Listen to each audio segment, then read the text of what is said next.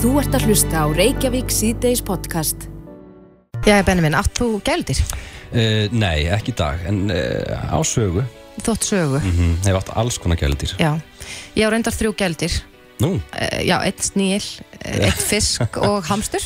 já, það er svona, það er svona gæludýrish Já, svona, já, eiginlega. Það er mjög lítið að hugsa um þau. En uh, það eru rosalega margir sem eiga hunda og ég held að það hafi líka orðið sprenging í, í sko, hundahaldi, má segja. Já, Hérna í heimsfaraldri, það voru margir sem að fengu sér gældir þegar maður var svona meira heima fyrir. já fá, En- sér, fá sér vin Já, og geta komist út að labba þegar þú vilt og, akkurat. og þegar það mátt ekki labba, neða það mátt alveg labba Það má- einmitt, mátti fara út að labba, Nei, já. Ég rugglast við spán Nei, nei, það má fara út að labba og, mátti það líka þá en uh, nú er að koma sumarfrí og uh, ég bara hef séð það í kringum mig að ég hef fengið spurningu sko hvort ég geti passað hund í sumar Mhm. ég, ég afþakkaði það Nú, ég bara kann eiginlega ekkert á dýr nema snigla og fiska og eitthvað svona er þetta ekki bara að labba með dýrið, gefa þið borða og taka upp uh, skítinn? Jú, ég held það Mhm. en uh, ég rakst nefnilega í vikunni á auglýsingu inn á hverfisgrúppunum minn á Facebook þar sem að, að ungu maður var að auglýsa í raun og verið þjónustu þar sem hann, hann tekur að sér að passa hunda og fara út að labba með þá líka Já, Ég held að það séu eflust margir sem að voru kannski mjög mikið heima hérna, í heimsfaraldri en eru núna átt að segja á því að, að það þarf einhver að- fara út að lappa með hundin og maður er kannski meira upptíkin núna en áður. En við ákvaðum að fá hann til okkar, eh, Birki Kristján Guðmundsson, komdu sæll. Hæ, hæ, takk fyrir að fá mig. Já, Birkir, þú, þú býður upp á þessa þjónustu, bæði að fara út að lappa með hunda Já. og eins líka að passa hunda ef að fólk er að fara erlendis og, og fleira. Já, algjörlega. Ég hef alveg verið að bara lappa með hunda síðustu ár, en svo fór ég að bæta við með svona pössunum og búin að vera að gera það núna í smá tíma. En hve- hvenær byrjar þetta fyrir alvöru hjá þér? Uh, fyrir svona sjö árum, sko, þá fekk ég mér, ég fekk mér hund sem er alveg að vera, hann er áttur hann nú í sumar og þegar hann var kvolpur þá, þá var önnu fjölskylda líka hérna, með nýjan kvolp í hverjunu Mm. og við vorum átt að hittast bara að lega þeim eitthvað að leika. Og svo stakk hérna eigandi þessa kvolps bara upp á því að ég myndi taka hundi þeirra líka með þegar ég tæki minn og hún myndi bara borga mér eitthvað smá fyrir það. Og á þeim tíma var ég bara að vinna í skrifstofunni sko, og hérna og þá nýtti ég alltaf bara veist hátíðislega mitt til að fara með hundin og tók hinn hundin með það. Svo spurðist það út og bættist annar við og svo annar og annar og Ég er umlað, mér finnst þetta pínu svona bandarist Ég- maður hefur séð í fjölmörgum bíómyndum að það eru bara svona fólk sem að starfa við það að fara út að lappa með hunda en ég hef ekki heyrt af þessu hér á Íslandi áður. Nei, ég, hérna, það virðist, virðist ekki vera margir að þessu en einmitt, þetta er mjög stórt úti eins og í New York það er bara, veist, það er bara heil starfstjætt sem viðrar hunda. Mm Og, og þið finnst þetta vantilega hrigalega gaman Þetta er alveg bara besta jobb sem ég hef verið í, sko. Já, og betur, er þetta full vinna núna? Uh, sko fyrir COVID þá var, þá var mjög mikið að gera hjá mér. Svo kom náttúrulega bara COVID og allir fóru að vinna heima og sjá um hundarnir sem sjálfur þannig að ég misti alla hundarnir mína. Ég var að taka kannski 7 hundar dag fyrir COVID. Vá, og hérna, já, og það fór bara í núl svo hérna, svona núna fyrst kannski í, í vetur þá er ég búinn að vera að taka kannski 35 á dag cirka. Hva, Má ég spyrja þig, hvað hva, hva rukkar fyrir? uh, ég er eitthvað 3-5 fyrir klukkstundar göngu ok, og, og getur maður beðið um tveggja tíma göngu eða er, er já, já, það er ekkert mála að díla við með þannig sko. Já. Ég sá mjög skemmtilega myndaðir þar sem varst með fimm hunda í einu Er það ekkert vandamál? Þeir þurfa að vera mjög góðir, sko, það er hérna, en ef ég er með fimm mjög þægilega hunda þá er það ekkert mál, en þú veist, tveir mjög erfiðir, það er erfiðar að vera með tvo þannig, sko. Er þetta fyrir þetta eitthvað eftir tegundum? Hversu góðir og erfiðir er, eru?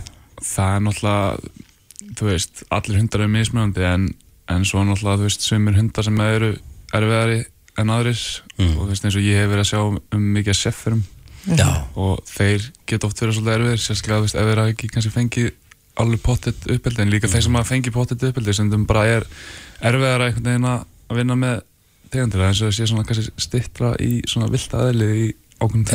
En, en ná þeir þá út kannski með fimm mi- mismunandi tegundur og hundum? Mm. geta þeir alveg verið saman? Já, en ég þarf bara alltaf að spá í því, sko, hverja ég tek saman, eins og ég er að taka tvo að þrjá hópa, þá þarf ég að spá í, ok, þessi og þessi, þeir geta ekki verið saman, þú veist, og þá þarf þarft að einhvern þekkja hundana þess Já, þannig að, þú veist, dagur minn byrjar yfirleitt á því að, að hérna, út af stundum fæ ég bara, þú veist, um morgunin, hei, getur þú tekið henni dag, þá þarf ég ofta að byrja daginn bara svona aðeins að púsla þessu saman hvernig ég ætla að skipta þessu upp og Akkurat Þannig að Labrador og Sheffer, það er kannski eitthvað, eitthvað, hvað vesen með? Labradorarnir eru allir svo góðir með Já, já, Já, er það ekki svona, svona hinn eiginlegi fjölskyldu hundur? Já, já, ég, ég, ég myndi segja það bara Labrador eru yfirleitt bara þægilegstu hundarnir, sko. Rottweiler og Sheffer, það er kannski ég hef stríð. ekki séð Rottweiler, ég var mjög til í það Já, þú óskar því. eftir, Já, hér með eftir rottvæluhundi sem fóðu að lappa með. En, en segðu mér, Birgir, hefur alltaf haft áhuga á hundum? Já, ég hef alltaf verið mjög, mjög mikið fyrir hunda sko. ég, ég átti aldrei hund þegar ég var hérna, þegar ég var lítill og þá var ég bara að banka upp og að fara út að labba með hunda nágrannina sko. Já, ég að var- ég gerði þetta mikið í barnæsku, að bara Já, bjóðast þess að fóru út að lappa með hunda. einmitt. Nei, ég, var- ég var svolítið hrættu við hunda Já. þegar ég var lítill, þannig ég var ekkert mikið fyrir að vera í kringu það, sko. Nei, en ég það er breyst, ég, ég er mjög gaman að þeim í dag, sko. Já, Mm. akkurat. Þannig að þetta hefur verið bara svona, ég kannski byrjaði sem eitthvað ákveðið áhugamál og sem þróaðist út í, Já, Þetta starf. algjörlega, svo fatt að ég geti fengið borga fyrir þetta þegar ég var eldri Mhm. og hérna, svo ég náttúrulega hef átt hund bara frá því ég var, ég- þegar ég byrjaði með kæristinu minni áttum hún hund þegar ég var 17 ára og hérna, með fyrst kæristinu minni og hérna, já, síðan þá hef ég bara alltaf verið kringum hunda og já. En þú hefur ákveðið að þróa þetta hans lengra og, og ert núna að Já. taka að þér að passa hunda. Hvernig fer það fram? Ertu með, eru þeir bara heima hjá þér og, Já, og bara mínu heimili sko Ég er unni að kalla þetta Luxus Hotel af því að þú veist, þetta er bara eina heimili með mér og hérna og ég sem sagt býði bara þrjá klukkstundar göngutúra á hvernig degi og lítil sem engin einvera það er bara þegar meðan ég er að fara og labba með heina hundana eða þegar ég fyrir á æfingar þá er það kannski, þú veist, mestalagi rúma klukkutími einu sem þeir eru einir já, þannig að hundarnir fá kannski Þannig- bara meiri samveru og Já. betra allæti heimi og þér heldur en heimi á sér. Já, þetta er allan á það sem ég reyna að reyna að gera, að hafa þetta algjörnum luxus Og hvert ferðu með þá svona helst? Sko, bara hvert sem er, ég er oft bara að labba með þá í hérna, bara í hverjum þar sem ég er að pikka það upp stundum fer ég á Gersnef, stundum fer ég allir upp í Heiðmörk eða, þú veist, eitthvað út fyrir bæinn og svo bara, þú veist, bara út um allt, sko Já. Hvernig er stemningi svona á heimilinu þegar þú ert með svona marga hunda? uh, Allt í rústi bara? Ég er náttúrulega, ég tek bara einn í einu, sko Já, það er bara einn í einu. Já, eða þú veist, ég get alveg, ég gæti kannski alveg tekið fleiri en þá þyrfti það bara, þá þyrfti ég að passa upp á það að þetta væri tveir hundar sem gæti umgengi sko annan Já, já, já. en það eru ekki en, ennþá gest að ég sé að hafa tekið fleiri neitt En þú ert Sam- samt byrjuður að passa hundar sko, svona, uh, í Já. lengri tíma Já, og það hefur gengið vel. já, það bara gengið mjög vel Er mikil ásókn í þetta? Já, sko, en núna var ég með þetta að auglýsa og bara, það er bara búið að rigna yfir mig skilabáðum, ég, bara, ég hef ekki komist í að svara þessu öllu eiginlega bara, veist, þetta er orðið bara eitthvað ég er reyna að svara þessu og bara það bætast fleiri við því ég er búin að svara tveimur og það komið fjögun í Já, ég skil. En, en ef að nú einhver er að hlusta sem hefur Mhm. áhuga á því annarkvort að fá þig til þess að viðra hundana eða þá að passa þá í lengri tíma, hvernig er hægt að hafa samband við þig? Er það bara á Facebook, bara Birkir Dog Walker Birkir Dogwalker, það er sér síða fyrir Mhm. Já. Mhm. þetta. Já, þetta er eh, gott framtak og ég held Já, að takk margir fyrir það. hundar séu þeir eflaust þakklatir Já, fyrir útiveruna. ég er svona skemmtilegast maður í heiminum fyrir þessa hundar sem ég er að sjá um Já. Þeir verða alveg spinningal þegar þeir sjá mig koma Gekka. Birkir Kristján Guðmundsson, kærar þakkir fyrir komuna. Já, takk hérlega fyrir mig Þú ert að hlusta á Reykjavík C-Days podcast. Jæja, við höldum áfram hér í Reykjavík síðdeis. Uh, Ég held að flestir muni nú eftir því þegar mikið var rætt um blóðmerahald. Jú, Þetta var, uh, ég, það byrtist hérna heimildamind sem að, að svissnesk dýravernda samtök byrt á sínum tíma. Mm. þar sem að var sínt já, ansi ófrýnilegar aðstæður Já. þar sem að var, verið var að, að taka blóð úr fylfullum merum Mhm. en uh, Svandi Svagastóttir matvælar á þeirra hún uh, skipaði starfshóp fyrir ekki svo lengur síðan og, og nú hefur þessi starfshópur skilað af sér áliti um starfsemi við blóðtökur hristna kemur ímislegt fram í þessari skýrslu og ímislegt sem að, eh, bæta þarf en uh, blóðmerahald verður áframleitt Svona við bökkum aðeins með þetta, hvað, hvað er verið að gera? Svo kannski við rifjum þetta upp. Já, það er verið að taka blóð úr fylfullum merum Mhm. til þess að, eh, ég held að þetta sé hormón sem að Mhm. notað er hormón, EMSG hormón, hérna PMSG PMSG, Inga Sem er Sæland. þarna heyrið Ingu Sæland sem er viðmæland okkar um þetta. Ó, var ég allt og æst? Já, varst svolítið æst, en það er alltaf ekki að klára inngangin. Ok, gerið það. Nei, en Inga, þú ert kannski betur til þess fallina að útskýra hans hvað, til hvers er verið að taka blóð úr fylfullum merum Já, það er verið að framlega þetta hormón sem þú nefnir, réttilega, Mhm. PMSG sem að aðalega verið nýtt í, í uh, versmiði búskap hvað lítur að svína rækt Mhm.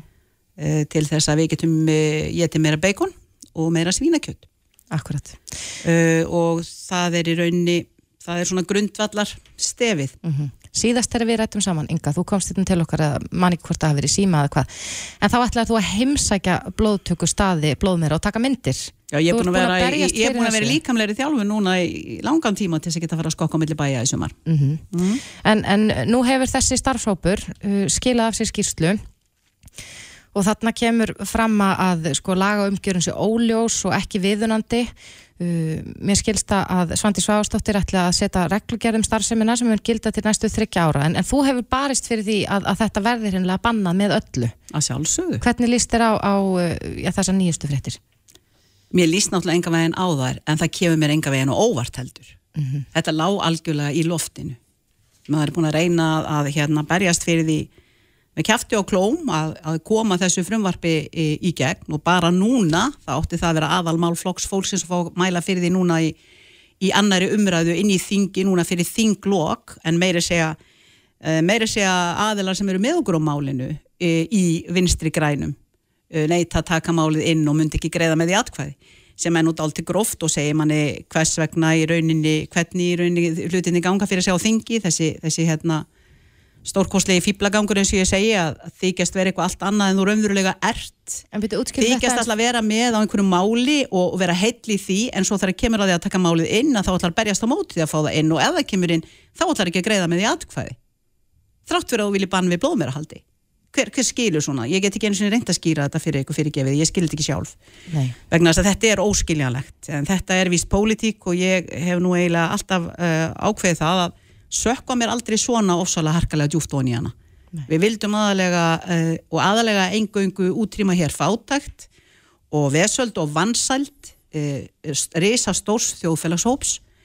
Og uh, það er það sem við erum að gera og núna höfum við verið talsmenn mállesingja sem er hreinlega verið að nýðast á á viðbjóslegan hátt eins og að vera að gera við hrissur og nú að halda sér satt áfram að gera það í ágúst. Eh, þessi skýsla hún eh, kemur ekki á óvart að neinum, neinum, eh, á neinum tímapunkti og enda var uh, þessi starfshópur eiginlega uh, smíðaður utanum þessa ákvörðun sem var talin mjög erfið á þeim tíma sem 137 umsagnir lágu fyrir atvinnuvega nefnd og, og, og vel á þriðja hundrað umsagnir höfðu borist til umhverfistofnunar. Þetta eru semst umsagnir, hátt í 400 umsagnir og það þykir mikið að fá nýju umsagnir núna í sambandi við útlendingamáli.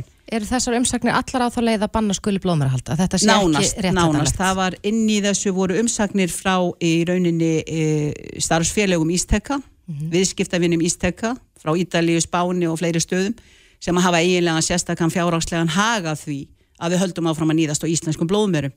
Þannig að e, þar, e, hérna, þar komin neikvæður umsagnir og síðan he- hefa verið svona sérvaldir ákveðnir aðalar fyrir atvinnuvega nefnd sem að eru mjög svo liðhóllir blóðmerahaldi og e, hluti af þeim eru einmitt aðilar sem hafa sérstaklega fjárhagslega hagsmuna að gæta sem eru með ákveði eftirlit með þessu og að fá greitt fyrir það fullt af peningum.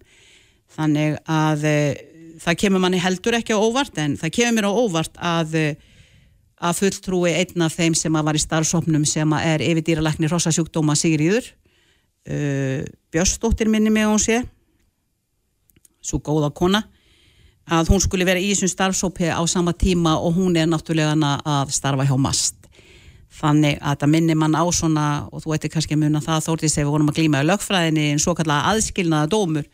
Þetta minnir nú svolítið á það að, að eh, aðilarnir eru í raun að fjalla um uh, sjálfan sig.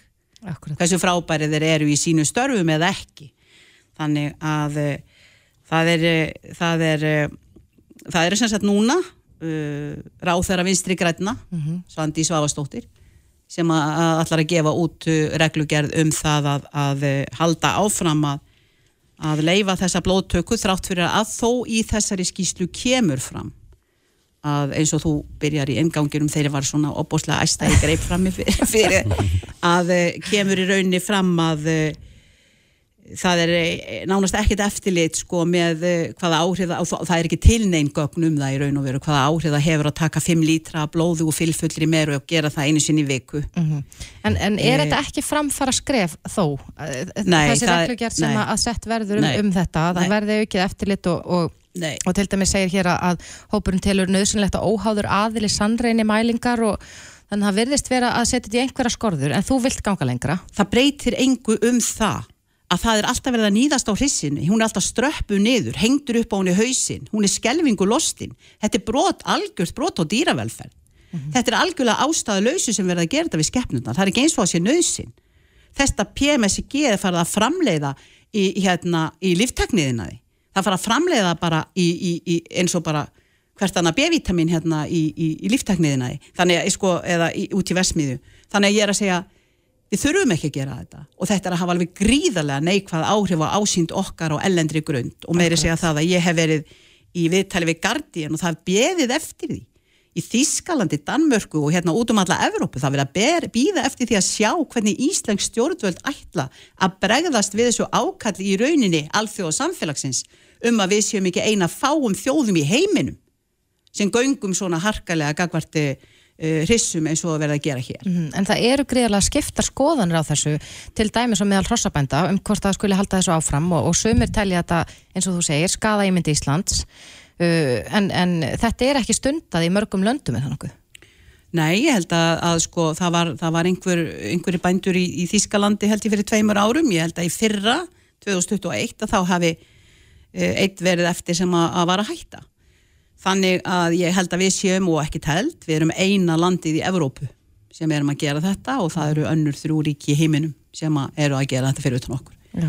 En Þannig að- er, er þetta ekki, sko, eins og í, í Evrópu, þá er þetta ekki bannað uh, samkvæmt dýravendalögum, en þetta er bara ekki stundað. Sko það er hérna um Evrópulöggjöfuna þá er fullirt uh, sko þá er ekki fullirt hvort blóðmerabald sé bannað en þó segir að uh, að uh, hafa ákvæði tilskipuna til dæmis 210-63 ESB um verm dýra, dýra sem notið er í vísindaskinni þau hafa verið túlkuð þannig að blóðtaka úr fyllfullum melum, merum til framleiðslu á PMSG sé bönnuð.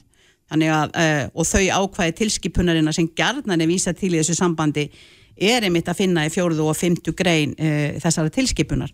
Þannig að það er þeim sem að kæra sig um er í lóa lagið að skoða það fyrir utan að þetta lág fyrir Evrópuþinginu núna í oktober að, uh, að banna alfarið með lögum uh, þessa, þessa hérna, þessar aðtamnir. En nú er, er ljósta að uh, þetta verður leift, þessi reglugerð mun gilda uh, til ársins 2025. Þú Í áfram bóði vinstri grætna. og ætlar þú áfram að berjast fyrir þessu inn á þingi og, og leggja fram frumvarpið um bann við blómarahaldi? Algjörlega, alltaf. Hvernig er umræðan nýr á þingi? Þú, þú talaði nú aðeins um hérna, þingmenn vinstri græna sem hafa, eru ekki tilbúin að steyðja frumvarpið. Ég er að meina þeir sem eru á því. Þeir sem eru á því, það er það sem er aðtikli verða. En Eða- hvað með eða- aðra eða- flokka? Hvernig, hvernig er, er stuðningurinn á þingi? að, það eru engir með okkur á frumvarpinu. Það er flokku fólksins og tveir þingmenn vinstri græna. Hver eru það? Það eru Orri Páll sem er þingflósformaður og Jóti Skúladóttir sem að er ekki hérna akkurát á þinginu núna um þessa myndir. Þegar þú segir þessu á frumvarpinu eru þau að styðja þess að frumvarpinu? Já, þau eru bara meðflutningsmenn. Þau eru bara meðflutningsmenn á frumvarpi. En ætla sér ekki að greiða atkvæði með því? Ég minnst að kosti ekki þingflósformaðurinn. Hann er búin að segja það alveg skýrt og skorun árt. Akkurat. Já, pólitíkinn. En þú ætlar að- að að- að fara og kíkja á þetta eða ekki, taka myndir Sko ég er eiginlega hvetja alla fyrir utan það að, að hérna, það eru mjög, að söpnus fleiri þúsund uh, undirskriftir þar sem fólk var að mótmála þessu. Þetta er búið að vekja alveg gríðarlega aðtegli og, og fá mál í rauninni eh, síðari ára sem hafa vakið upp aðræðins úlúð í samfélaginu og, og blóðmerahald. Þannig að uh, þegar við erum að tala um að hægt að gera þetta fallega, það er ekki hægt. Það er ekki hægt að taka ótemjur og taka úr þeim blóð fallega þegar á að binda það niður og taka þeim fólaldi rétt á meðan og strappi báðum höfuðið og dæla úr þeim e, 5 lítrum af blóði. Þetta eru meira sem eru með svona í kringum 28-30 lítra af blóði og það er tekið úr þeim á 8 vikum 40 lítrar af blóði. Það sér það hver heilvita maður hvers þess óþverið þetta er. Akkurat. Já, ég, ég auðvitað er erfitt fyrir, fyrir leikmenn að skilja eh, og, og eins og ég saði hér áðan að þá eru þetta mjög skiptar skoðunir um þetta. Eh, Það verður forvöldnilegt að sjá. Inga, Já, bara hvernig- einn punktur í loki. Já. Þetta er alltaf kallað í vísindaskyni. Það, þetta var klætt í einhvern kjól vísinda. eins og í vísindaskyni sem við varum búin að vera að dæla blóði úr, úr, úr fylfullum hrissum uh, allan þennan tíma. En uh, hérna, og núna á að koma, og þetta hefur, hefur ekki verið neitt regluverk um þetta síðan 2019. Og núna sem sagt er þessi hæstvirti uh, ráþæra vinstri græna Svandi Svavstóttir að fara heimila þennan óþverra næstu þrjú árin. Það er bara þannig, það er staðrendin. Allt er vænt sem vel er grænt hjá vinstir grænum. Akkurat. En Inga, það verður forrættild að sjá hvernig, hvernig fer með, með frumvarpið þitt. Við þakku þér kærlega fyrir komuna. Inga Sæland, formar flokksfólksins. Þetta er Reykjavík síðdeis podcast. Þetta var hann Sam Ræder, eða ekki? Sem að kefti fyrir hönd Breitlands í Eurovision. Ég, ég tók svona, smá, svona eina viku um daginn þar sem ég gerði eiginlega ekkert annað en að skoða myndböndum af, af honum að syngja inn á Instagram. Já, að því hann er svo góður söngvari. Hann er brjálæðislega góður söngvari sko. En uh, ég bara þur- þurfti að koma þess frá mér Já, Að yfir í allt annað. öðru Fjórir hjúkunarfræðingar sögðu upp störfum í gæra bráðamóttöku vegna álags um, Einn þeirra sagði í gæri viðtalið vísi að það væri algjört ráðaleysi í heilbreyðismálum Manneklan sé gríðarleg og hún telur ljóst að staðan er hennilega eftir að versna. Við heyrðum í, í gær í honum Willum Þór, Þórsinni, heilbreyðsraþura og hann, hann taldi þarna upp ímsa hluti sem að, að eru svona á teikniborðinu og, og e, til dæmis að fjölga plássum á, á legurímum á, á vívilstöðum og fleira. Uh, fjölga þeim sem að mega fara í hjúgrunafræði nám og, en, en það er svona ljósta að það er nú eitthvað í það að, að þessar aðgeri fara að skila árangri Í gær uh, byrti Otni Harðardóttir, uh, þingmaður samfélkingarinnar og uh, fyrsti varaformaður velferðanemndar þingsins grein þar sem að hún, já ég raun og veru kallar eftir því að stjórnvöld bregðist við svo að heilbreyðstarfólki haldist í vinnu og hinnir sem hafa yfirgefið heilbreyðsvettvangin vilji snúða þanga aftur. Otni Harðardóttir er komin enga til okkar, kom til sæl. komið sæl. Já, Otni, við töluðum við Viljum Þór Þórsson í gær. Þarna kom hann með ymsar uh, já, lausnir eitthvað í rétt átt og talaði um að fjölga legurum og fleira. En þú talar til dæmis um hér að aðgerðna sem að ráðast þurfi í er að hækka laun heilbrið starfsfólk, bæta vinnu, stöðu, bæta líðan starfsfólksins. Hvernig er hægt að bregðast við þessu ástandi strax? Sko það, það er ímislegt sem við getum gert strax og verðum að gera strax og svo er annað sem að tekur lengri tíma eins og að menta starfsmennina en, en líkt og ég segi í greininni þá þurfum við að gæta að starfsfólkinu sem að er í vinnu, hlúa því og passa að það, það far ekki og reyna að gera vinnu aðstæðunar það aðlagandi að þeir heilbriðstarfsmenn sem að hafa ákveðið að yfirgefa vettvangin geti hugsað sér að koma tilbaka.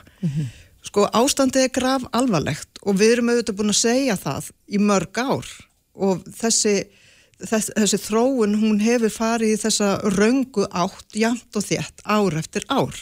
Og við sáum það fyrir heimsfaraldrin þá var kallað eftir aðgerðum, þá var talað um neyðar ástand á bráða mótökunni, síðan kom COVID sem að dróð síðan frá og gerði sínilega veikleikana í kerfinu. Uh, og heilbriðstarfsfólkið okkar stóð sig auðvitað frábærlega og stóð vaktina fyrir okkur hinn og, og hljóð bara hraðar og lagði meira á sig og heilbriðstarfsfólk sem var búið yfirgefa vettvangin kom líka til að, að hjálpa til við þær aðstæður. Og, og ráðamenn klöppuðu fyrir þeim og sögðu þetta var nú aldeilis fallegt af ykkur að gera þetta.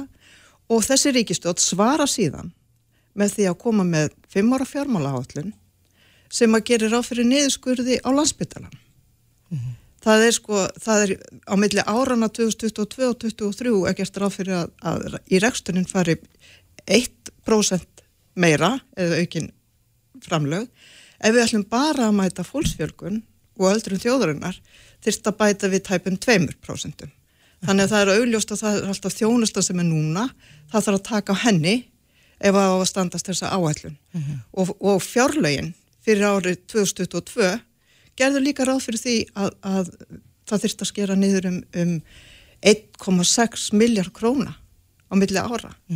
Þannig að þegar að það er þó mjög eðlilegt að starfsfólki sem að er búið að hlaupa hraðar og, og enn hraðar til þess að, að, að, hérna, að sinna veiku fólki að það bara gefist upp. Það er líka máli, sko, hann talaði mikið, hann viljum maður hefur svo sem heyrt það annar staðar að þetta er auðvitað ekki landlægt bara hér, þetta er um allan heim vegna þess að ástandið hefur verið gríðarlega erfitt núna undarfærin tvö ár og, og starfsfólk auðvitað orðið langþreytt og, og svo kemur þetta einhvern veginn ofan á manneklan, mér líður eins og við höfum talað um sko fráflæðisvanda sem að eh, núna er talað um sem útskriftarvanda í mörg ár. Og eh, Algjörlega. til dæmis það að- leifa fleirum að, að nema hjúgrunafræði hefði ekki verið hægt að taka þessi skref fyrr til þess að við værum að sjá árangurinn af því núna? Auðvitað hefði verið hægt að gera svo margt. Og, og við höfum lagt fram tilugur hverju einast ári í samfélkingunni sem hafa jafnóðum verið feldar sko, ymmit í þá veru. En það sem að ráðamenn segja sem að gera mig svo reyða í þessu hérna, samhengi að þau segja þetta er nokkið rétt, við erum búin að gera nóg hérna, við erum búin að bæta við svona mörgum prósentum og, og, og hinnu prósentum og allt það, en staðstu tölunar er ég að byggja húsnæði byggja nýjan landsbytala og síðan er það launa og, og verðlagsbætur. Og þetta þarf auðvitað að gera. Og auðvitað er nöðsilegt að byggja landsbytala en þegar við samþjóttum það þá voru við ekki að gera það með, með hérna, því foráði að, að það ætti ekki að lækna veikt fólk sem að þarf eh, þjónustu núna strax, mm -hmm. skiljiði þannig að við, við verðum að byggja þetta hús en það þarf að leggja til heilbriðistjónustuna núna til þess að sinna fólki sem að þarf að þjónustuna halda núna Akkurat. og fólkinu sem að er starfandi inn í kerfinu Akkurat. og alþjóða heilbriðismálastofnunin hefur ágjörð því að kulnun í starfi og meðan heilbriðistarsfólk sé næsti faraldur sem við þurfum að glíma við.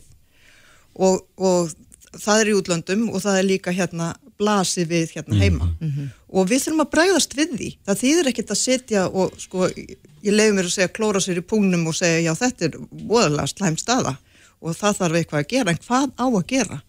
Það er svo margt hægt að gera með einskiptis aðgerðum sem að kosta peninga og við eigum nóa þeim. Við erum ell eftir ríkasta þjóði í heimi. Mm -hmm. Þetta við... rýmar svolítið við það sem að, að sko, Már Kristjánsson, fórstöðumar bráðaþjónust á landsbítala, sagði að hann sagði sko ef við höfum ekkert starfsfólk þá er engin spítali. Við, við, það dugar kannski ekki að byggja nýjan spítali ef engin er tilbúin til þess að starfa þar. Já, og eins og ég sagði það þá er heilbríðstarfsfólk úti sem hefur búið að yfirgefa vettvangin og er í öðrum störfum. Og þau eru líka í útlandum mm -hmm. Íslendingar sem að myndu koma heim ef að starfsaðstæður væru skarri Erum við með einhverja tölur um, um hversu margir það eru sem að hafa til dæmis, eh, ég lært hjúgrunafræði eh, sjúkraliðar, læknar sem að hafa horfið til annara starfa? Já, þetta er allt saman til. Ég er ekki með það á reyðum höndum hér, en það er stór hluti mm -hmm. fólksins sem að við, við höfum lagt okkur fram við í mentakerfinu fyrir að menta sem að kýsa starfa annar staðar og, og í öðru löndum. Akkurat. Þannig að, að, að, að hérna, þegar ég segja auðvitað þarf að þurfa launin að vera mannsamöndi og, og, og þau þurfa að vera þannig að þú sé tilbúin til að leggja á því þetta álag og, en það þarf líka að bara að kaupa tæki og tól sem að auðvelda þér að, að sinna starfinu mm -hmm. þurfu ekki að vera í ykkur viðgerðum á, á, á gömlum, gömlum græjum eins og við þekkjum úr heilbyrjuskerfinu eh, og alltaf að slást við það og vona bara að, að dagurinn eh, sko líði áður en að tækin bila Þannig það er svo margt sem hægt er að gera í starfsumhverfinu og hlúað fólki og eitt, eitt, eitna miklum forsöndum fyrir því að fólk næu, náu árangri starfi er að það sé ánægt mm -hmm. á vinnustanum mm -hmm. og það vegum er þessi þingra heldur launin en það eru ímsil hlutir sem eru þekktir sem að hægt er að laga núna strax. Og ef að menn er í einhverjum vandraðum með að, að finna tekjur þá, þá eru við sko, þá er að nægu að taka leiði ég mér að segja. Og þessi ríkistjórn, hún lækkaði nú bara bankaskatt um 7 miljardar mm -hmm. þannig við getum bara tekið það tilbaka. Við erum að, að gefa öðlindir okkar fiskveiðu öðlindina á silvufatti e, til, til stórútgerðarna það er að finna fjármagn hér og þar mm og til þess að, bæta heilbriðiskerfið og velferðarþjónustuna og það er skilda okkar stjórnmálmanna að sjá til þess að velferðarsamfélagi virki og í dag virkar það ekki nægilega vel þegar kemur að þjóðasjúkrahúsin okkar. Mm -hmm. En uh, nú fyrir þá sem að þekka ekki pólitíkina, hvernig stjórnkerfi virkar, er þetta hennilega breytt pennastrygg og, og, og þá eru fjármyndin komnir í þetta? Þetta er pólitísk ákverðin, já. Mm -hmm. En auðvitað er það þannig að sumta því sem það þarf að gera tekur langran tíma og það til dæmis að menta fleira fólk það tekur langan tíma og það þarf að laða fólk að uh, náminu og gera þetta allt saman uh, aðgengilegt og, en, en eins og ég segi, það er ímislega sem hægt er að gera bara núna strax og stjórnvöld hafa tækifæri til þess núna á næstu dögum vegna þess að fjármála áallun til næsta, næstu fimm ára er að koma inn í þingið og við þurfum að afgreða ná núna þannig að þingi fyrir heim í sumafrí mm. og þar geta stjórnvöld syngt á spilin og sínt að þeir meini í rauninni það sem þeir eru að segja þegar þau segja að þau raði heilbriðiskerfinu fremst. Þau Ertu geta gert það. það gerist? Ég vona það. Ég vona það svo sannarlega að því það er það sem þarf að gera og, og þau verða að horfast í augu við það að, að það er krafa frá almenningi, það er krafa frá fólkinu sem að nöðsilega þarf á þjónustun halda og það er krafa frá starfsfólkinu sem að er að, að, að þjóna okkur hinnum. Já, eins og við heyrðum hérna á hann í símatíman og það hringdi inn maður og, og sagði að hann hefði farið með móður sína, 82 ára gamla, minni mig, uh, og beðið í 7 klukkustundir, Já, það var ekki átta. 7-8 klukkustundir, já, Já, ég meina þetta er aldrei breyst. Ég meina, maður hefur lent í þessu sjálfur akkurat, þetta er beðið forgangsrað, fyrir við, við höfum heyrt sko. að það er forgangsrað þegar fólk kemur á bráðamáttökuna Mm. en, en þetta getur ekki talist viðunandi tími fyrir, fyrir aldrað fólk að- býða eftir uh, slíkri þjónustu. Nei, og það, það á ekkert að koma neinum og óvart að þjóðin er að eldast og það er gleðilegt en það kallar á aukna heilbyrðistjónustu og félagstjónustu líka og, og það þarf að fylgja Já. Já, við skulum vera bjart sín með þér að stjórnvöld bregðist við þessu ákalli. Otni G. Haraldóttir, þingmaður samfélkingarn og fyrsti varaformaður velferðnemdar. Kærar þakkir fyrir komuna. Takk fyrir Þetta er Reykjavík C-Days podcast. Eitt af svona helstu fréttamálum dagsins held ég að sé umræður um fastegnagjöld. mm -hmm. Fastegna mat tekur hrikalega mikið stökkum með lára. Þetta er, eh, já, segir hér á einu ári hefur fastegna mat húsnæðis hækkað um næri 20% og þetta er mesta hækkun frá hruni. Þetta er auðvitað, ég held að margir hafi kannski, já, orðið svolítið, gla, svolítið gladir. Já, ég meina Ég þetta, þetta lítur vel út eitthvað hækkar um eitthvað eins og hjá mér bara eitthvað 17% og ég er bara hæst ánað með það græn tala eitthvað Já, já, maður er kannski pínum með svona dólarmerki augunum, Mhm. Varandi þetta, en, en hins vegar að þá eru þetta líka, já, þetta eru útgjöld. Mhm. Það eru fastegnagjöld í, í sveitafélum sem eru þetta mismönd á milli sveitafélag og, og umræðan í dag hefur svolítið verið á þá leið. Ég sá hér á vísi.is að- Dagur B. Eggersson, borgarstjóri, hann eh, já, myndi á það að, að fastegnagjöld íbúrhúsnaði eru lægst í Reykjavík Mhm. og, og eh, já, það er mismunandi hvernig þetta er. En til þess að ræða eins um þetta er hún sest hérna hjá okkur Bergþóra Baldursdóttir, hagfræðingur hjá Íslandsbanka. Komdu sæl. Já, hæ. Já, mér skilst að, að, að þú sért búin að skoða þetta ansi, ansi vel. Eh, Já, aðeins búin að skoða hérna þetta fastegna mat sem byrtist í gær mm. -hmm. þjóðskrá og er bara svolítið vel að mér í fastegna markanum einnig, sko. Akkurat, hann hefur auðvitað verið, já má segja galinn að undanförnu, gríðarlega miklar hækkanir og, og, eh, og við erum búin að tala hellingum það hér að það er mjög erfitt fyrir til dæmis fyrstu kaupendur að komast inn á markaðinn Já. og nú tekur, tekur fastegna matið þetta stóra stökk. Hvaða þýðingu hefur það? Sko, fastegna mati er í rauninni bara að endurspegla þessa miklu hækkanir sem hafa orðið á íbúamarkaði síðastlega ár. Þannig að í rauninni kemur þetta okkur mjög lítið á óvart því að eins og ég segi þá endurspegla fastegna mati bara þessar hækkanir sem við erum að tala um að, þetta er búið að vera svolítið miklar hækkanir og, og þess vegna er fastegna mati að hækka svona rosalega mikið á, á milli ára. En þetta er, er stærsta stökk sem að, að fastegna matið hefur tekið eh, frá hruni. Já. Eh, Hefur þetta verið að, að hækka svona jaft og þjætt og, og svo núna kemur stökkið út af þessum greiðlegu hækkunum að undanförnu? Já, íbúverð er búið að hækka rosalega hratt síðastlina mánuði og hérna já, eins og við, sjáum bara til dæmis yfir allt landi þá hefur íbúverð hækkað um 20% og þetta bara endurspeglar það, fastegnamatið hefur hækkað yfir 20% yfir allt landið. Svo er hækkun mismikil eftir hverfum og eftir bara land, hvar á landsbyðinni eða í hvaða sveitafjölum íbúverðnir eru og, og, og Hvað ræður því að þetta er svona mismunandi eftir landslitum?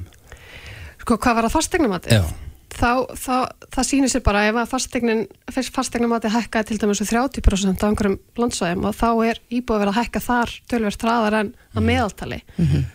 Og við sjáum til dæmis eins og að landsbyðin er að hækka rosalega hratt núna uh, síðustu misseri og, og, og við sjáum það til dæmis í, í þessu nýju fastegnamati Ég hjó eftir því að, að fastegnumat er að hækka mest á Suðurlandi eða 22,4%.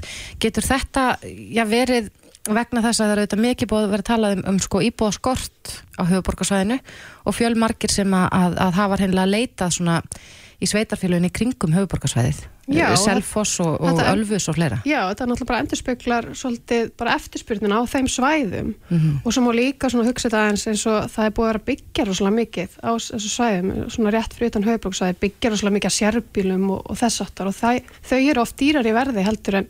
eldri eignir. Þannig að þetta hefur alltaf áhrif á fastegnamatið. Já, en ég sagði frá því ég ráðana að það er eflust margir sem að, já, vöknuðu morgun og, og kíktu á fastegnamatti og sáu bara 20% hækkun og það, það er gríðarlegir fjármunir og er, er rámt að líta á þannig eins og maður sér heimlega bara græða einhverja miljónir Já, í rauninni er þetta, eins og ég segi, þetta er bara, verðið hefur hækkað svona mikið síðastlega ár og þetta er ekki auka hækkun þessi, þetta fastegnamat, þetta er í rauninni bara endurspegla þetta verð sem að hefur nú þegar verið að hækka svona mikið. En vissulega þá eigur til dæmis veðrými fólks. Hvað er veðrými?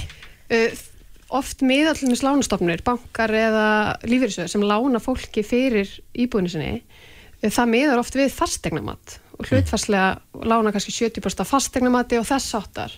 Þannig að fólk gæti uh, til dæmis endurfermingar lánin sín og, og, hana, og sérstaklega svo fólk sem er kannski með tvö lán á íbúinu sinni, A og B lán svo kalluð, þá er B lán með svona aðeins óhagstæri vexti.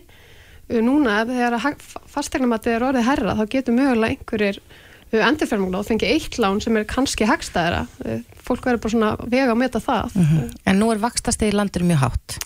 Þannig að er þá ekki talað um að það er kannski ekki endilega rétti tíminn til þess að vera endurfjármagna þegar að stýrivextir eru í hæstu hæðum eða kannski ekki í hæstu hæðum, búin að hækka mikið að undanförnu Nei, sko já, vakstastegi kannski ekki hátt svona sögulega séð en það er náttúrulega búið að hækka rosalega mikið frá því að var svona hvað lægst í faraldrinum Mhm. En það er alveg rétt. Og ef fólk var kannski að festa vexti fyrir einu, tveimur árum þá væri kannski ekki skynsalegt að endurfjármagna og, Nei. og hver og eitt þarf bara að skoða það svolítið nánar. Ég er inn í mjög skemmtilegum Facebook-hóp sem heitir Fjármálatips og, og það er oft mjög skemmtilegt að fylgjast með umræðanum þar og, og þarna eru bara stór hópur af fólki að deila svona alls konar uh, ráðum sín á milli. Og í gær tók ég eftir fæslu þar sem að, að uh, maður saði frá því að nú væri skynnsamlegt að, að mögulega sko já, endur fjármagna skamtímalánin sín. Ef maður er með mjög óhagstaðan yfirdrátt eða kreditkortaskuldir eða smálán eða hvað sem það er sem að er með gríðarlega háa vakstaprósentu að nú hefði skapast rými til þess að, að í raun og veru já, veðsetja þá eignina sína. Já, ef við taka lán þá hærra lán fyrir eigninni Já. og ekki vera með þessa skamtíma lán já, kannski geti það verið það, er, það er alveg hægt, hægt að gera það. Um, en auðvitað er ekki gott að vera með skamtíma lán og, og þessa, yfirdrætti og þess aftur og fólk ætti að reyna að forðast það með bestu getu. Um, en vissulega það væri mögulega hægt að gera það og, og, og það er hægt að skoða það hjá sinni lánastofnum hvernig það fyrir fram og, og þess aftar En, en með þessa hækkun eins og núna ef, við- ef við horfum fram í tíman til dæmis bara á næsta ár erum við að sjá bara sömu svakalegu hækkun Sko við taljum hérna í greiningadeild Íslandsbanka að svona næstu mánuður muni halda áfram að hækka svolítið rætt. Mm. Það er ennþá bara rosalega mikil eftirspunna markaði, meðalsöld tími íbúða er í lámarki, íbúður eru að fara yfir, á, yfir ásötu verði, mjög stór hlut íbúða, þannig að það er ekkert útitt fyrir að, að eftirspunni minu dvína svona næstunni, en svo með hækkandi vöxtum eins og við tölum um áðan og svo erum við að býða svolítið eftir frambúða nýjum íbúðum að koma inn á markaðin að þá taki svona íbúðmarkarinn að róast. akkurat, en það er nú eitthvað í það. Það er auðvitað að vera búið að tala um það að það er gríðarlega mikið magna byggingum uh, íbúðum verið að byggja Já, núna, en, en uh, það er kannski ennþá á einhverjum Einmitt, þetta er-. Þetta er svolítið eðli fastegnamarkaðins, hann hann er mjög lengi að bregðast við breyttir eftirspurn og það tekur tíma að byggja íbúður og þetta viljum við að það sé gert vel þannig að það tekur svona meðaltali tvö ár að byggja íbúður og, og vonandi fara það nú að detta inn á markaðin þegar liðið tekur árið og þá getur við séð bara fastegnamarkaðin jafnvel í jafnvægi á næsta ári. En, en getur komið til þess að íbúða verið lækki? Það þarf alveg mikið til að það gerist. Og hérna, við sáum það gerast í hrunu síðast og hérna, en við erum ekki að búast við að það gerist. Við, það sem við búast við að gerist er að það bara róist, það hægist á þessum hækkunum og, þær, og þegar ég tala um að íbúðmarkað sé jafnvægi þá svona oftast er miða við að, að íbúðmarkaðurinn svona raunverði íbúða fylgi kaupmætti heimilana, kaupmætti launa. Og það er svona venjulega orðferði svona, svona mæli, mæli kvarðin En að hann róist er það náttúrulega bara að eftirspurnin uh, dvíni, er það ekki? Jú, Já, já. En, en það er kannski erfitt að sjá það í pípunum akkurat núna Já, eftirspurnin dvínar eftir því sem að vextir hækka og það verður bara erfiðar að taka lán. Mm. Uh, svo hefur Sælabankin greipið til aðgerða, hann hefur meðal annars hækkað hérna veðsendingarhlutfall. Uh, þú getur fengið 80% lán á hérna íbúðinni uh, og svo hefur hann líka hækkað greiðslubyrða hlutfallið. Þú getur ekki tekið hærra lán en 35% af uh, greiðslugetinu þinn á mánuði og hann er að gera þetta til þess að reyna að róa markaðin en einnig til þess að heimilin sé ekki að skuldsetja sig of mikið. Og þetta mun alveg hjálpa á, á þessari eftirspyrnarlið þetta mun, þannig að eftirspyrnir mun dvína uh, þegar að íbúið verða hækka svona rætt og svo á móti þá þarf líka meira frambúð því að eins og stanir í dag þá er bara voða lítið frambúð, það er bara máilega að segja að markaðin sé tæmdur, það Já. er bara rosalega lítið á sölu, aldrei mælst svona fáar íbúið á sölu. Já. En þetta, þetta uh, nýja fastegna mat fyrir næsta ár, þa það mun já, jafnvel draga dilka eftir sér. Nú sá ég viðtali hérna við uh, hana uh, Drífu Snædal fórseta ASI, þar sem hún talaði um að þetta geti mögulega spilað inn í komandi kjaraviðræður. Nú erum við að sjá já, hækkanir á, á nánast öllu og eldsneiti á maturum og, og, og þar mætti lengi telja. Og svo kemur þetta ofan á og þetta, þetta hefur áhrif á heimilin í landinu Já, þetta er í rauninni auka skattur á heimilin uh, sem að sveitafélögin rukka í formi fasteignagjalda. Og það tekur gildi þá núna um áramótin þessi, þessi, þetta fastegna mat Já, og uh, ef við pælum bara aðeins í því þá náttúrulega ef maður er að greiða herri skatta þá höfum við minna milli handana og þá er líklegt svona einhverneslan mingi til dæmis og, og hérna mögulega róast eitthvað á markuðum líka. Um, þannig að já. Já, já ég held að vera allavega forvitinlegt að sjá hvernig sveitarfélögin bregðast við, hvort að eh, einhver sveitarfélög munu, munu lækka.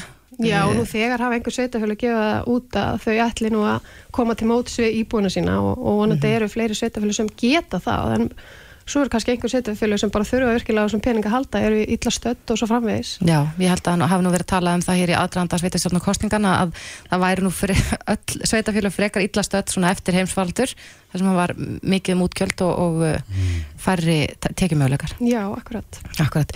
Já, þetta er áhugavert. Bergþóra Baldursdóttir, hagfræðingur hjá Íslandsbanka. Kæra þakki fyrir komuna. Takk fyrir mig. Reykjavík síðdeis á Bilginni podcast. Jú, að sýta þess hér á bylginni Það er komin gestir Já, við erum komið með mjög góða gesti. Ég ætla að byrja þess að segja frá því að ég man eftir því hér fyrir nokkurum árum síðan. Þegar við heyrðum ansi áhugaverða sögu manns um, eh, sem heitir Árni. En hann, þetta voru, voru þættir sem að uh, héttu á í bróður á Íslandi og voru á Ríkisúttarpinu og það var nú hún vinkon minn Viktoria Hermannsdóttir sem að gera þessa þættu. Þetta var svo falleg saga, það er svo gaman að heyra svona fallegar sögur. Já, eiljar Við auðvitað þekkjum hérna leitin að upprunnum þetta er nú leit árna að upprunn sínum. Þau eru sest hjá okkur, Viktoria Hermannsdóttir og Allan Sigursson sem að eru að fara að frumsýna heimildamind á Skjaldborg um helgina. Komið sæl. Hæ Já, þarna, Hæ hæ. Um, velkomin Árni. Þetta er mynd, heimildamind sem þeir eru búin að vinna og er um þennan Árna. Já, það passar. Getur þú sagt okkur aðeins söguna af Árna, Viktoria? Já, sko þetta byrjaði þannig að ég gerði þætti fyrir áseitt sem heita Ástandsbönnin sem varum að fjalla um svona bara líf ástandsbarna á Íslandi og í framhaldinu það hafði maður sambandið mig sem að hérna var sérst, bandarísku maður sem var að leita að mögulegum hálfbróður Íslandi og eftir smá leit og alls konar uh, fjör og fólk sem að tók þátt í þessu með mér þá fannst þessi maður, Átni Jón Átnason og ég gerði þessu skil í þessum þætti sem hún endur á á ég bróður Íslandi. Og þar svona var bara hans saga sögð og, og, og þessi óvænta leit og raunin er þetta svolítið skrítið að því að ég vildi eru sko eru, eru börnin sjálfa að leita að, að fe- feðrum sínum? En þarna er í rauninni sko bróðurinn að leita að honum. Átni var ekkert að leita síns uppruna. Nei. og þetta einhvern veginn bara leið og svo gerði þáttinn og fann það eiginlega bara leið að mér langaði að gera eitthvað aðeins meira. Af því að Átni er alveg stórkastur karakter og alveg útrúlega svona áhugaverð hans saga og eftir að þátturinn kom út þá hérna fekk ég hann allan hérna með mér í þetta og svo höfum við verið að krukki í þessu svona undanfærin ár og, og núna er afraksturinn klár það er myndin velkomin átni Hvað eru þið búin að vera í þessu lengi? sko við, Hvenær fórum út? Já, 2018? við fórum út 2018 Já, já, þátturinn kom út Þá fylgið þið Árna til bandarækja. Já. já. Og heita fylg- þetta fólk sem að sem að hérna, mögulega eru skildmenni hans, það vil ekki gefa allt upp sko. Nei. Nei, nei, nei. kemur sem sagt í ljós í heimildamyndinni hvort að þessi maður sem að leitaði til þín hérna fyrir mörgum árum síðan eh, sé í raun bróðir Árna Já, og þetta er stórmerkileg saga vegna þess að móður hans átna var sko 47 ára þegar hann fættist og þessi maður sem að þessi mögulegi fæðir hans hann er bara rétt í kringu tvítugt sem að eh, hefur þótt Vá, svolítið sérstætt á þessum tíma sko. Og þannig að það er svona alls konar ángar í þessu, þetta er svona dýpri saga og þetta er í rauninu svolítið tvíþætt. Þetta er bæði hans leit eða þessi leit hans á upprörunum og, og við fylgjum hann út, en þetta er líka bara svona þroskasaga, þetta er átni, hann hefur kannski, hann er ekkert alltaf lifa lífunu alveg til fulls svona eins og hann hefði kannski helst viljað þannig að þetta er svona þetta er svona ákveðin saga mann sem að brýst svolítið kannski út úr skilinni og, og fer í þetta ferðalega og gerir eitthvað alveg nýtt og, og tegur Já. ný skref sko. já, gerir eitthvað alveg já, En, en eins og þú sagðir á hana, þá er kannski nokkuð sérstætt að þetta sé öfugsnúið. Oftast sjáum við börn vilja leita uppruna síns. Hafði hann aldrei viljað, uh, ég held að ég þykist vita það, að hann vissi aldrei hver, hann vissi aldrei hvað Vissi það aldrei sem hver var, faðir hans sko. var. Nei. Nei. og haf, hafði bara aldrei fengið neins svör við því þegar hann spurði eh, hérna móður sína. eða, eða eldri sískinni eða neitt sko, hann fekk bara aldrei neins svör. Virtist engir vita neitt sko. Og hann þannig að hann einhvern veginn bara og mamman steyr svo þegar hann er bara úlingur og þá er hann bara veit hann í rauninni ekkert og leifði þið sér eiginlega ekkert að að pæla í því þannig sko. En þetta er mjög óvænt sem þetta komið svona upp. Mm -hmm. þessi mögulegi fæðir hans hann sem sagt bara segir uh, sinni sínum þegar hann bara uh, liggur fyrir döðanum að, að hann eigi son á Íslandi og hann hefði hitt hann einu sinni jáhá. þannig að já. En, en uh, ég horfði nú á, á stiklunar myndina, Mhm. þetta lítur greiðlega vel út og ég er mjög spennt að sjá, ég er svo spennt að vita hvort að þetta séu skildmenna hans eða ekki. Uh, þetta það verður- DNA próf allt, allt Já, allt, já, sko.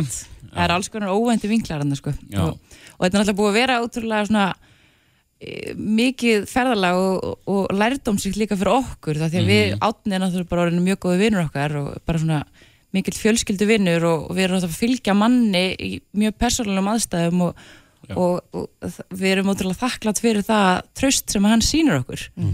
Þetta En á milli ykkar hefur líka myndast mikill vinskapur ekki satt. Jú, mjög mikill og hann er bara partur af fjölskyldunni sko. Hann bara kemur oft í kaffi og, og við höldum miklu sambandi sko Það er fallegt.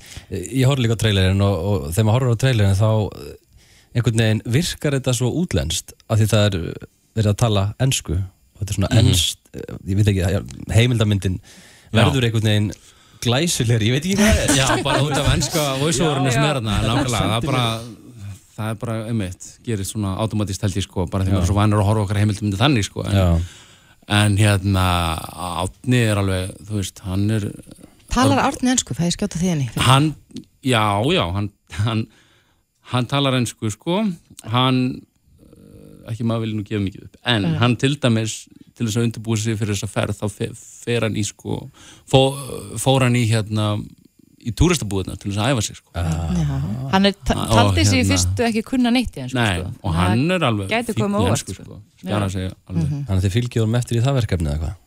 Já, þetta er rauninni, við erum sko. bæði að fylgja honum út og við erum líka bara að kynnast þessari mannesku sem Já, er bara svona í átnið daglegu lífi sko. Já. fá bara, bara vera heima á hann og mynda hann í, í því sem hann er hann er mikill dundari sko, og mikill svona mikill hérna hann er mikill grúskari og er, er alls konar áhugamál sko. og hérna hann til dæmis eins og kemur fram í þessum trailer þá tekur hann myndir af sjónvarpinu sínu Já, einmitt. og það er bara svona Já, hann tekur, Hans- hann, bara, sko, þetta sérst í stiklunni, Já. hann er kannski að horfa á eitthvað sem hann þykir áhugavert, þá tekur hann upp myndavill og tekur ljósmynd af sjónvarpinu sjónvarpskjánum.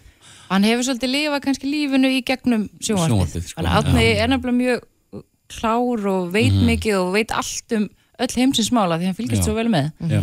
og, og Þannig að fara fest- með honum í svona ferð sko, var alveg ótrúlega Já. gaman sko, það.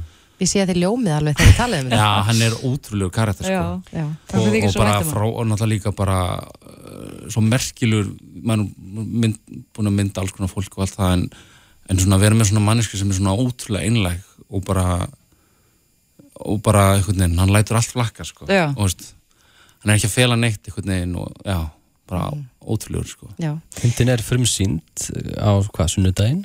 sunnudaginn á Skjaldborg Skjaldborg. Já, Skjaldborg Og- er heimildamönda á Patriks fyrir ekki satt? Jú, Mhm. já, já Ég þarf sem ekki það ekki að Þið eru að fara þangað. Já, við ætlum að kera að með stemmingu Já, Adnu kemst það reyndar ekki því miður, en hérna uh, við ætlum samt að halda eitthvað svona aðra sýningu þar sem að, að við verðum með, með svona hvað var að segja, hátíðasýningu vonandi. Já. Þannig að við munum fá að sjá myndina þó Já. verðum ekki að Patriks Já, fyrir um og svo helgina verður hún sýndarúf líka í hérna haust eða já, Já. einhvern veginn veitur Já. Þetta er bara Þetta er- rosalega spennandi. Þetta er rosalega spennandi, ég bara býð gríðarlega spennt, kemst því mér ekki að Patriks fyrir um helgina, en býð spennt eftir að sjá hana. Viktoria Hermannsdóttir og Allan Sigursson Kærar þakki fyrir komuna. Takk fyrir Takk. okkur. Reykjavík síðdeis á Bilginni podcast. Kjara samningar verða, eru til umræðu núna í ymsir vinklar á því og, og já, það, ég held að það verði svona spennandi að fylgjast með haustinu verkalýsreifinginu er þetta búin að bóða átök í þessum öfnum en um, við rákumst á áhugaverða greinin á vísi.is í dag sem hann eh, Sigmar Vilhjánsson formaður atvinnufélagsins skrifaði hann er sestur hérna hjá okkur, kom til sæl mm. sem er Sæl.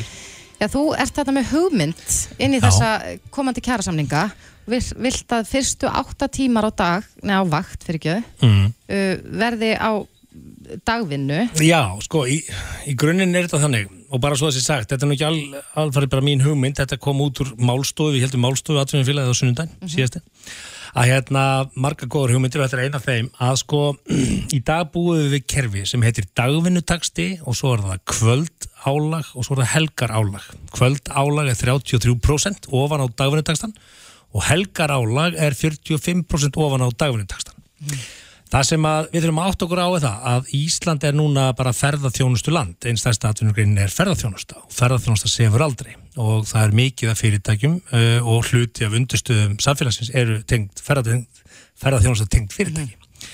Uh, með beinum og óbeinum hætti, afleitar uh, hérna, á, ástæður líka.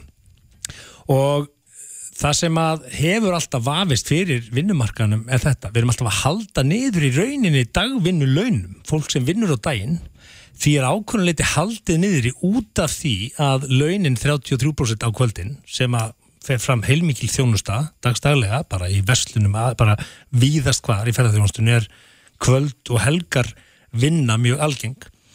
Að þá, þá má ég segja að bæði haldið þetta niður í dagvinnu launum hins almenna uh, launamanns á Íslandi sem geta bara unni dagvinnu tökum bara fjölskyldu fólk sem á erfitt með að vinna kvöld og helgar að ákveðinu leitir laununum þeirra haldið niður í út af þessu kerfi.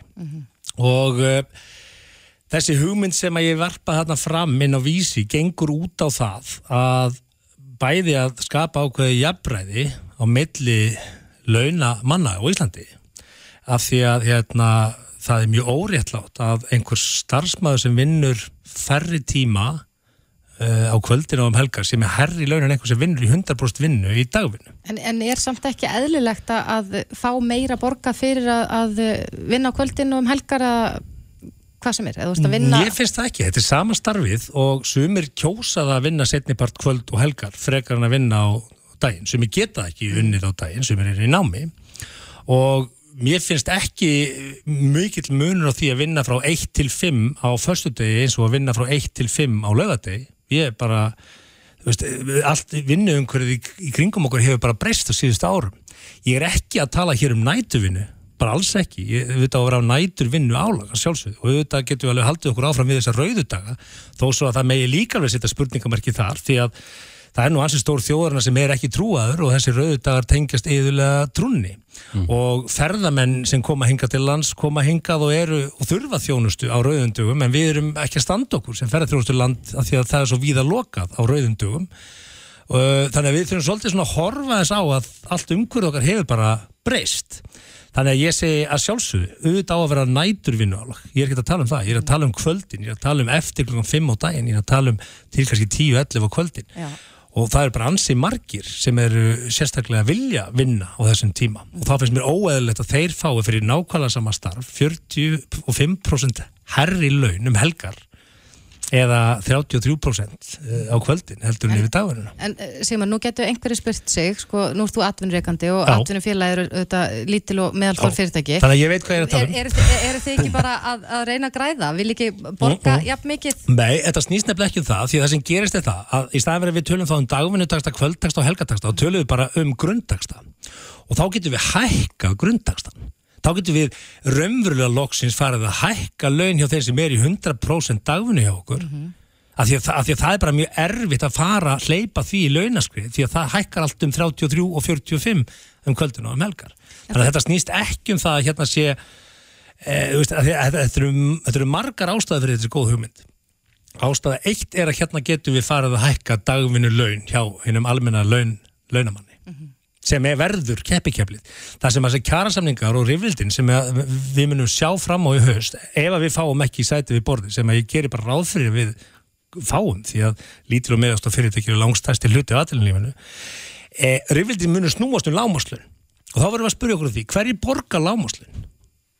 Það eru sveitafélögin það eru rosalega fá lítil og meðastór enga fyrirtæki með fólk í vinnu af því það er erfitt að fá fólk í vinnu. Það er samkeppni um fólk í vinnu og ef þú vilt fá hæfasta fólki þá borgar þú ekki lámaslun en sveitafélagin geta left sér það og ofinbyrri aðlega geta left sér það. Og það að við séum að ræða og láta allt samfélagi hér og kjærasamlingar snúast um lámaslun sem eru bara ekkit í 90% lítil og meðastóra fyrirtæki á Íslandi það er bara, það er bara ekki, það fyrirfinnst ekki.